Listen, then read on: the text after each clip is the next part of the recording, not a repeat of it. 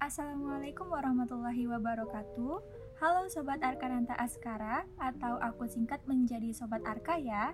Selamat datang di podcast Ngobrol Pintar bersama aku, Sausan Akbari Afa, mahasiswi FKM Unan dari Dinas Kastrat BMKM FKM Unan. Podcast kali ini berjudul Get to Know About Satuan Tugas Pencegahan dan Penanganan Kekerasan Seksual atau Satgas PPKS.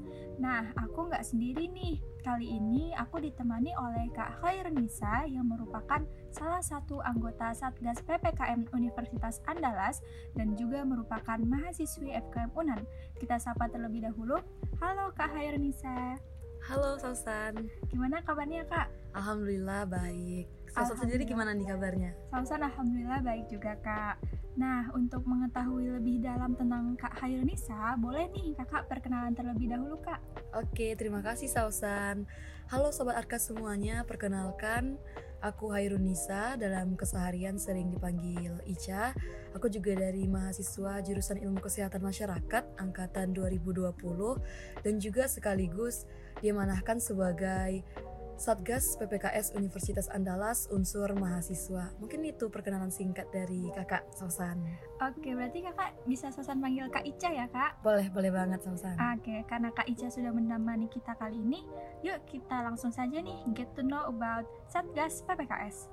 Nah, pertama-tama, kan kakak merupakan salah satu dari anggota Satgas PPKS. Boleh nggak kak, kakak jelaskan dan berikan gambaran terkait Satgas PPKS ini nih kak? Oke, terima kasih banyak Sausan atas pertanyaannya terkait Satgas PPKS ya. Jadi memang ternyata masih banyak juga dari uh, apa ya mahasiswa kampus kita, warga kampus yang belum tahu adanya Satgas PPKS gitu. Karena memang Satgas PPKS ini juga terbilang baru ya gitu, dibentuk berdasarkan amanat Permendikbudristek nomor 30 tahun 2021. Karena latar belakang didirikannya adanya Satgas PPKS itu karena saat ini Indonesia itu sedang menghadapi situasi darurat kekerasan seksual dan juga itu lebih banyak terjadi juga di lingkungan perguruan tinggi. Nah, kita itu selama ini di Indonesia sudah punya peraturan perundang-undangan tentang kekerasan seksual ini, tetapi belum ada yang memadai untuk menangani yang ada di lingkungan perguruan tinggi karena kan kita nggak menutup kemungkinan juga terjadi kasus-kasus kekerasan seksual, pelecehan seksual itu di lingkungan perguruan tinggi. Nah kita ada undang-undang perlindungan anak itu tapi cuma hanya membantu korban dari uh, umur 18 tahun ke bawah.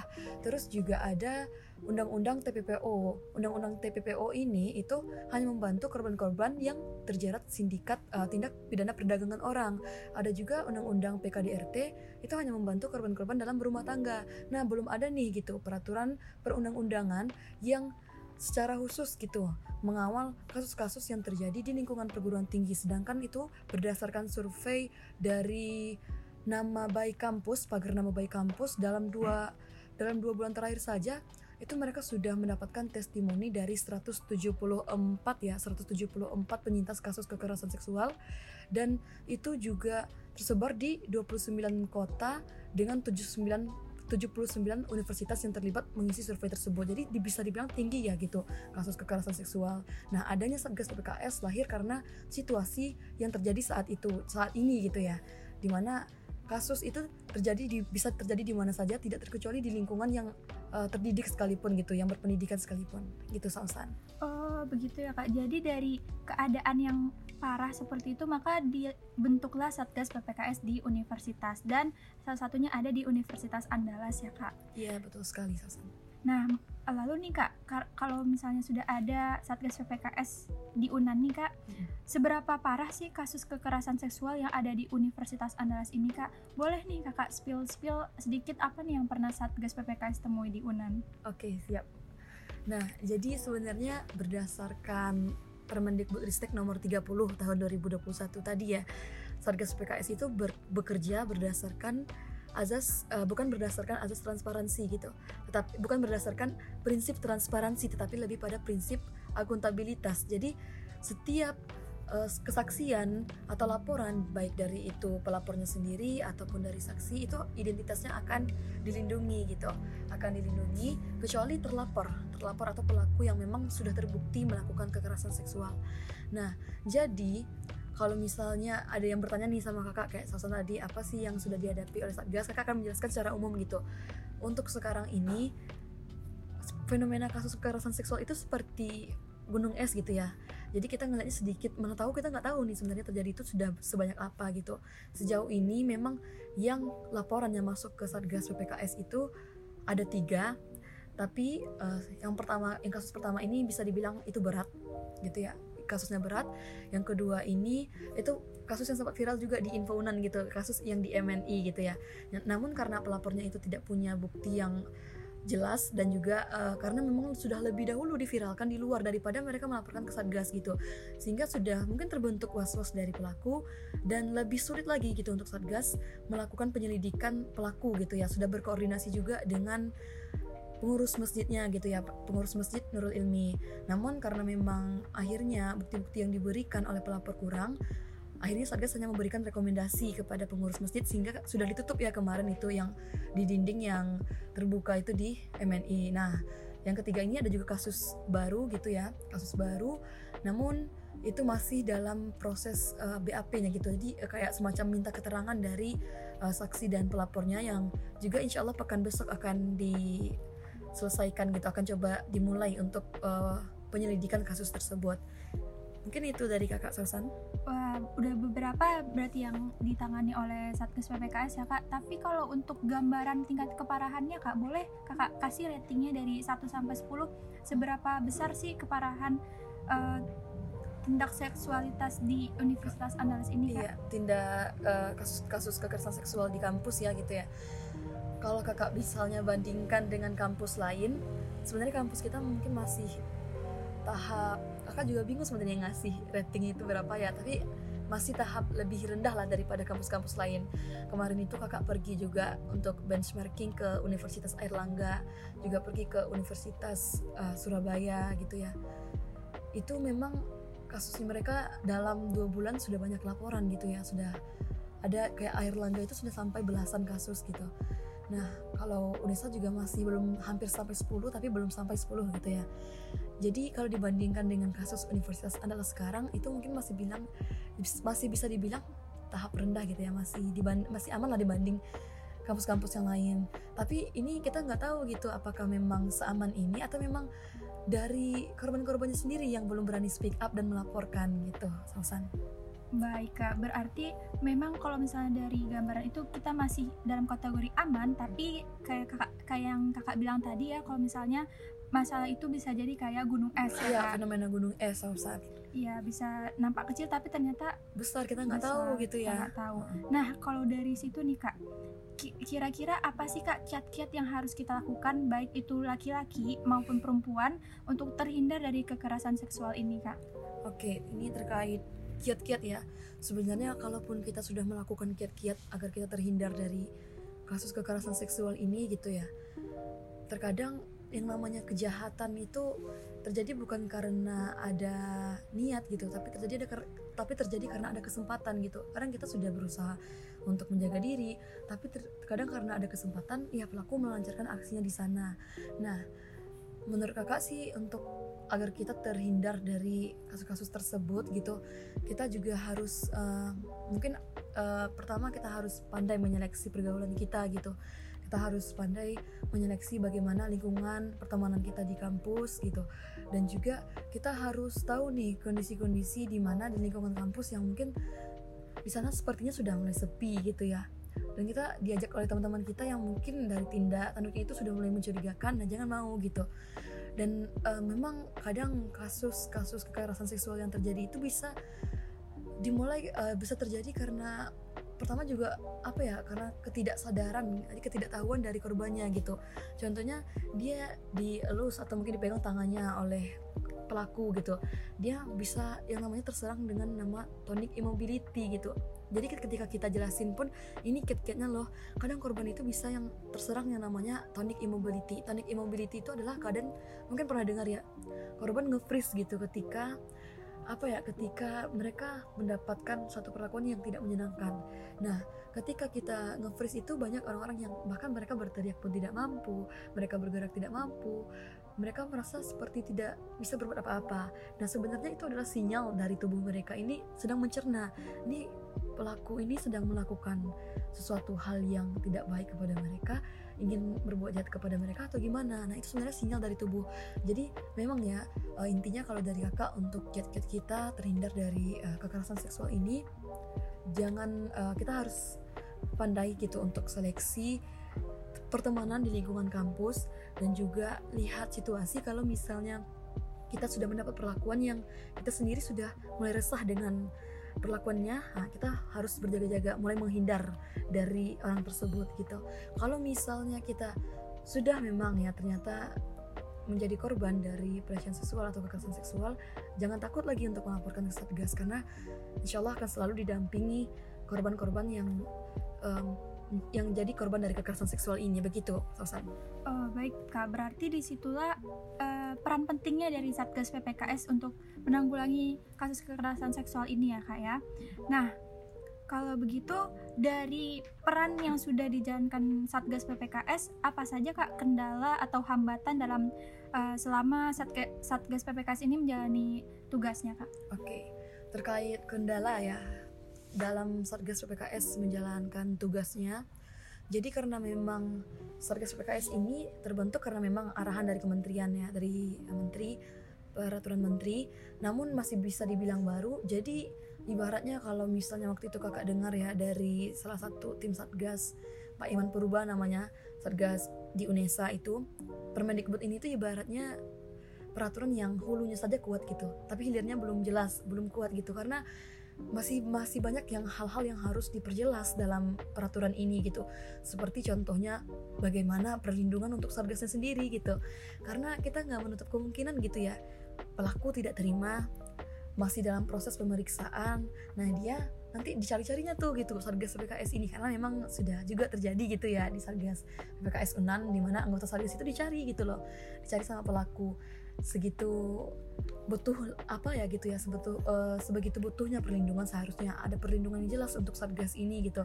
Karena mereka ini bergerak nanti kita nggak tahu kan di luar mereka dipantau gitu ya oleh pelaku gitu kan. Lalu juga mungkin itu ya. Terus juga beberapa peraturan lainnya seperti hmm, nah iya seperti beberapa mungkin dari anggaran nih untuk kegiatan satgas ini gitu. Karena satgas ini dituntut harus uh, menyeluruh gitu untuk memberikan uh, sosialisasi kepada kalau kita di Unan ya ada kampus tiga kampus nih. Nah itu kadang ada contohnya pemeriksaan yang membutuhkan dana tiba-tiba gitu ya di mana laporannya itu bersifat darurat dan harus segera ditindaklanjuti dan korbannya itu datang langsung kita ajak ke tempat yang nyaman untuk memberikan uh, apa ya untuk menerima laporannya penyampaiannya. Tapi di sana belum ada tuh insentif fasnya uh, belum ada tuh anggaran yang jelas gitu untuk kegiatannya. Sehingga anggota satgas yang harus uh, mungkin dulu mengeluarkan uangnya gitu mengeluarkan uh, materinya untuk menyelesaikan kasus ini mungkin gitu Oh, baik kak, berarti memang dari internal satgasnya gitu ya kak, uh, hmm. yang bisa dalam dirinya tuh menjadi was-was ketika menangani kasus-kasus nah, yang iya. yang terlapor gitu ya kak. Hmm. Nah dari fungsi satgasnya sendiri nih kak, apakah Satgas ini sudah menjalankan tugasnya sebagaimana mestinya karena kekerasan seksual ini kan merupakan salah satu isu sensitif di mana seperti yang kita tahu banyak orang-orang yang menyalahkan korban hmm. dan pasti Satgas PPS, PPKS itu berperan penting untuk melindungi korban itu. Nah, bagaimana uh, yang akan dilakukan oleh Satgas tersebut, Kak? Oke, jadi yang pertama terkait tugas ya. Tugas dari Satgas sesuai namanya ya, Satgas Satuan Tugas Pencegahan dan Penanganan Kekerasan Seksual gitu. Nah, jadi ya itu gitu. Satgas PPKS itu berperan penting dalam menciptakan lingkungan kampus yang aman, nyaman dan bebas dari kekerasan seksual melalui tindakan yang pertama tadi pencegahan dan juga dari penanganan. Nah, jadi untuk Satgas sendiri itu memang ada beberapa bidang. Nah, ada pencegahan, ada penanganan, ada bidang media juga. Di mana kalau untuk mahasiswa sebenarnya kami semua terlibat dalam bidang-bidang tersebut, tapi memang ada yang lebih difokuskan gitu. Jadi kayak di Satgas itu ada dari kalangan dokter dokter forensik, ada juga dari kalangan psikologi, ada juga dari kalangan orang-orang uh, yang mengerti ada dosen ilmu politik gitu ya Nah, memang untuk penanganan itu memang lebih ke dosen-dosen yang menangani kasus-kasus yang terjadi gitu. Di mana mahasiswa itu lebih ke tindakan pencegahan. Jadi mahasiswa lebih ke pencegahan dan uh, tapi tidak menutup kemungkinan juga gitu mahasiswa dilibatkan untuk tindakan penanganan seperti contohnya bertemu dengan korban. Kalau misalnya korban dari mahasiswa tentu mahasiswa akan lebih nyaman dengan orang yang seumuran dengannya makanya akan dilibatkan mahasiswa gitu. Terus kemarin kakak juga seperti dilibatkan dalam penanganan itu diminta oleh tim satgas untuk mentranskrip hasil sidang pemeriksaan gitu ya hasil sidang pemeriksaan itu sekitar 4 jam kakak itu membutuhkan waktu hampir satu pekan gitu untuk mentranskrip hasil sidangnya. Karena dari terlapor kadang berbicaranya kadang um, muter-muter kurang jelas dan bahkan recordnya yang harus didengar berulang-ulang gitu kan. Lalu saat ini sejauh ini tindakan yang sudah dilakukan satgas dengan ini berapa bulan ya baru terbentuk artinya? Belum genap juga dua bulan ya. Belum genap juga dua bulan. Satgas sudah melakukan sosialisasi itu di kampus di kampus Unan itu sudah dua kali. Yang pertama itu ke ke mahasiswa dan yang kedua itu ke uh, customer service dan juga keamanan kampus. Alhamdulillah sejauh ini selalu antusias ya partisipasi dari warga kampus selalu banyak yang menghadiri. Kemarin juga terakhir kami ke kampus 3 Dharma Das, Dharma Seraya itu juga banyak mahasiswa yang menghadiri. Dan antusias mereka itu terbukti ketika mereka berebut gitu untuk memberikan pertanyaan terkait satgas ini gitu. Mereka antusias bertanya dan juga uh, menyampaikan uh, apa ya kebingungan mereka atau mungkin uh, ketidaktahuan mereka tentang satgas. Mereka sangat antusias bertanya bahkan sampai pertanyaan mereka belum sempat semuanya itu untuk memberikan pertanyaan gitu ya. Jadi alhamdulillah itu sosialisasi juga sudah tiga kali ya artinya. Bahkan kami sudah sampai ke kampus terjauh gitu ya ke Dharma Seraya untuk melakukan sosialisasi dengan partisipasi yang luar biasa dari warga kampus menyambutnya gitu. Lalu juga ke benchmarking juga benchmarking ke dua universitas di Jawa Timur juga sudah lalu juga sudah melakukan beberapa kali rapat. Dan seperti yang apa seperti yang Sosan bilang ini isu yang sangat sensitif ya gitu. Jadi memang seperti yang kakak bilang tadi Satgas bekerja berdasarkan azas uh, prinsip uh, akuntabilitas bukan berdasarkan prinsip transparansi gitu. Jadi memang untuk saksi, untuk pelapor itu memang benar-benar dirahasiakan identitasnya. Bahkan sampai kakak iya teman dekat kakak pun kakak kasih tahu gitu. Siapa sih gitu? Apanya korbannya? Sekalipun dia nanya gitu. Gimana perkembangan sampai sekarang? Adalah gitu laporan gitu. Kakak selalu jawab seperti itu gitu seperti itu Sausan. Baik kak, tapi kalau misalnya nanti suatu saat jika korbannya ini yang akan disalahkan oleh orang-orang banyak, apakah Satgas pun juga akan melakukan hal seperti itu kak? Tentunya tidak gitu Sausan, karena kami itu berprinsip seperti ini. Ketika ada laporan yang masuk, kami menganggap itu benar-benar terjadi. Dan juga ketika misalnya nih kan bisa e, misalnya juga tidak menutup kemungkinan gitu ya ternyata setelah diproses menang gitu ya pelapor. Karena eh, menang itu yang terlapor. Terbukti ternyata um, tindak apa ya laporan dari lap, laporan dari pelapor ini ternyata salah gitu. Kamu tetap akan merahasiakan identitas dari korban atau mungkin dari pelapor ini gitu ya. Dari pelapor. Karena memang rahasia identitas rahasia itu benar-benar dirahasiakan gitu. Identitas dari pelapornya atau pelapor dari saksi itu benar-benar dirahasiakan. Memang itu adalah suatu semacam ibaratnya kode etik lah gitu ibaratnya ya. Benar-benar harus dirahasiakan dan tidak boleh gitu untuk disebarluaskan. Nah kalaupun misalnya nanti akan diberikan berita acara itu nanti akan hanya diberikan semacam inisial inisial dari pelapor ataupun saksi gitu. Tidak sejauh ini tidak akan diberikan yang namanya apa ya tidak akan diberikan nama lengkap. Karena memang menjaga juga keamanan dari apa ya dari pelapor dan juga saksi. Karena ketika kakak menangani kasus kekerasan seksual sejauh ini ya sedangkan kami tidak memberitahu namanya saja gitu ya dari pelaku pun kadang sudah ngeh gitu. Ini kayaknya ini loh yang melaporkan gitu kan. Jadi memang sebegitunya kami menjaga identitas dari korban, pelapor maupun saksi gitu. Baik kak, berarti uh, sebagaimanapun posisi dari pelapor itu akan selalu dilindungi oleh Satgas PPKS ya. Kak. Baik kak, nah kalau gitu gimana kalau misalnya saat Satgas PPKS ini berhadapan dengan pelecehan yang dialami yang dari sesama seksual kak, atau homoseksual uh, bagaimanakah sikap dari Satgas PPKS itu kak? Oke, jadi selagi laporan tersebut masuk ke Satgas, maka itu akan menjadi tanggung jawab dari Satgas PPKS gitu. Jadi kalau misalnya ada laporan tetap akan ditindaklanjuti sesuai dengan laporan tersebut. Nanti akan ada yang namanya proses penanganan alur penang, alur pelaporan itu kan melalui hotline.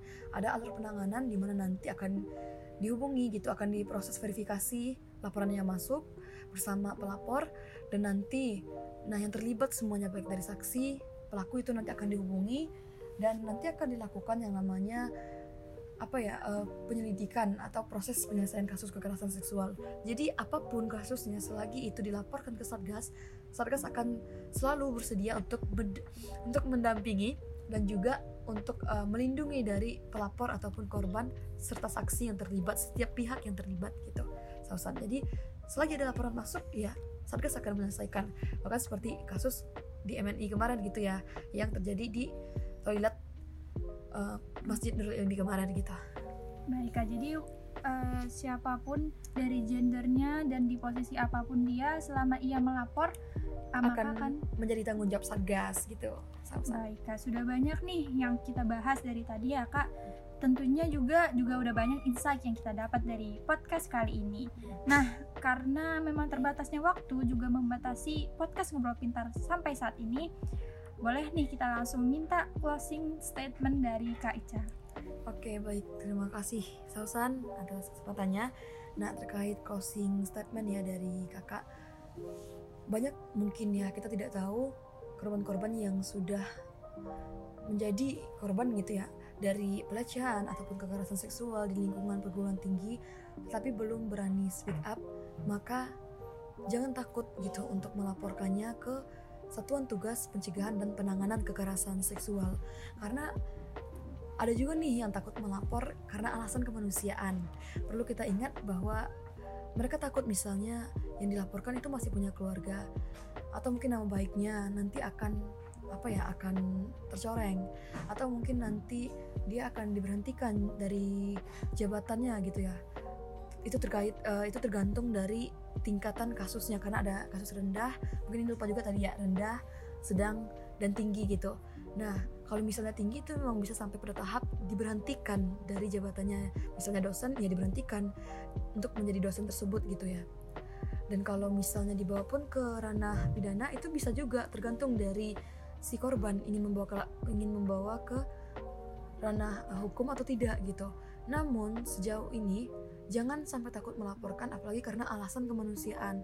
Karena yang membuat nama korban itu tercoreng nama korban itu nama pelapor ya maksudnya terlapor ya terlapor atau pelaku yang membuat nama terlapor itu tercoreng buruk itu bukan karena laporan kita tapi karena tindakan yang mereka lakukan sendiri gitu. Jangan kita takut untuk melaporkan karena satu laporan yang kita berikan itu artinya kita sudah ikut berpartisipasi mencegah hal-hal yang uh, yang sama terjadi lagi di kampus. Karena kan memang adanya Permendikbudristek ini itu berdasarkan tiga hal. Yang pertama itu alur uh, laporan yang kedua itu alur penanganan dan yang ketiga itu mencegah uh, untuk uh, prinsip keberulangan untuk mencegah uh, terjadinya kasus-kasus yang ter, uh, yang sama terulang gitu.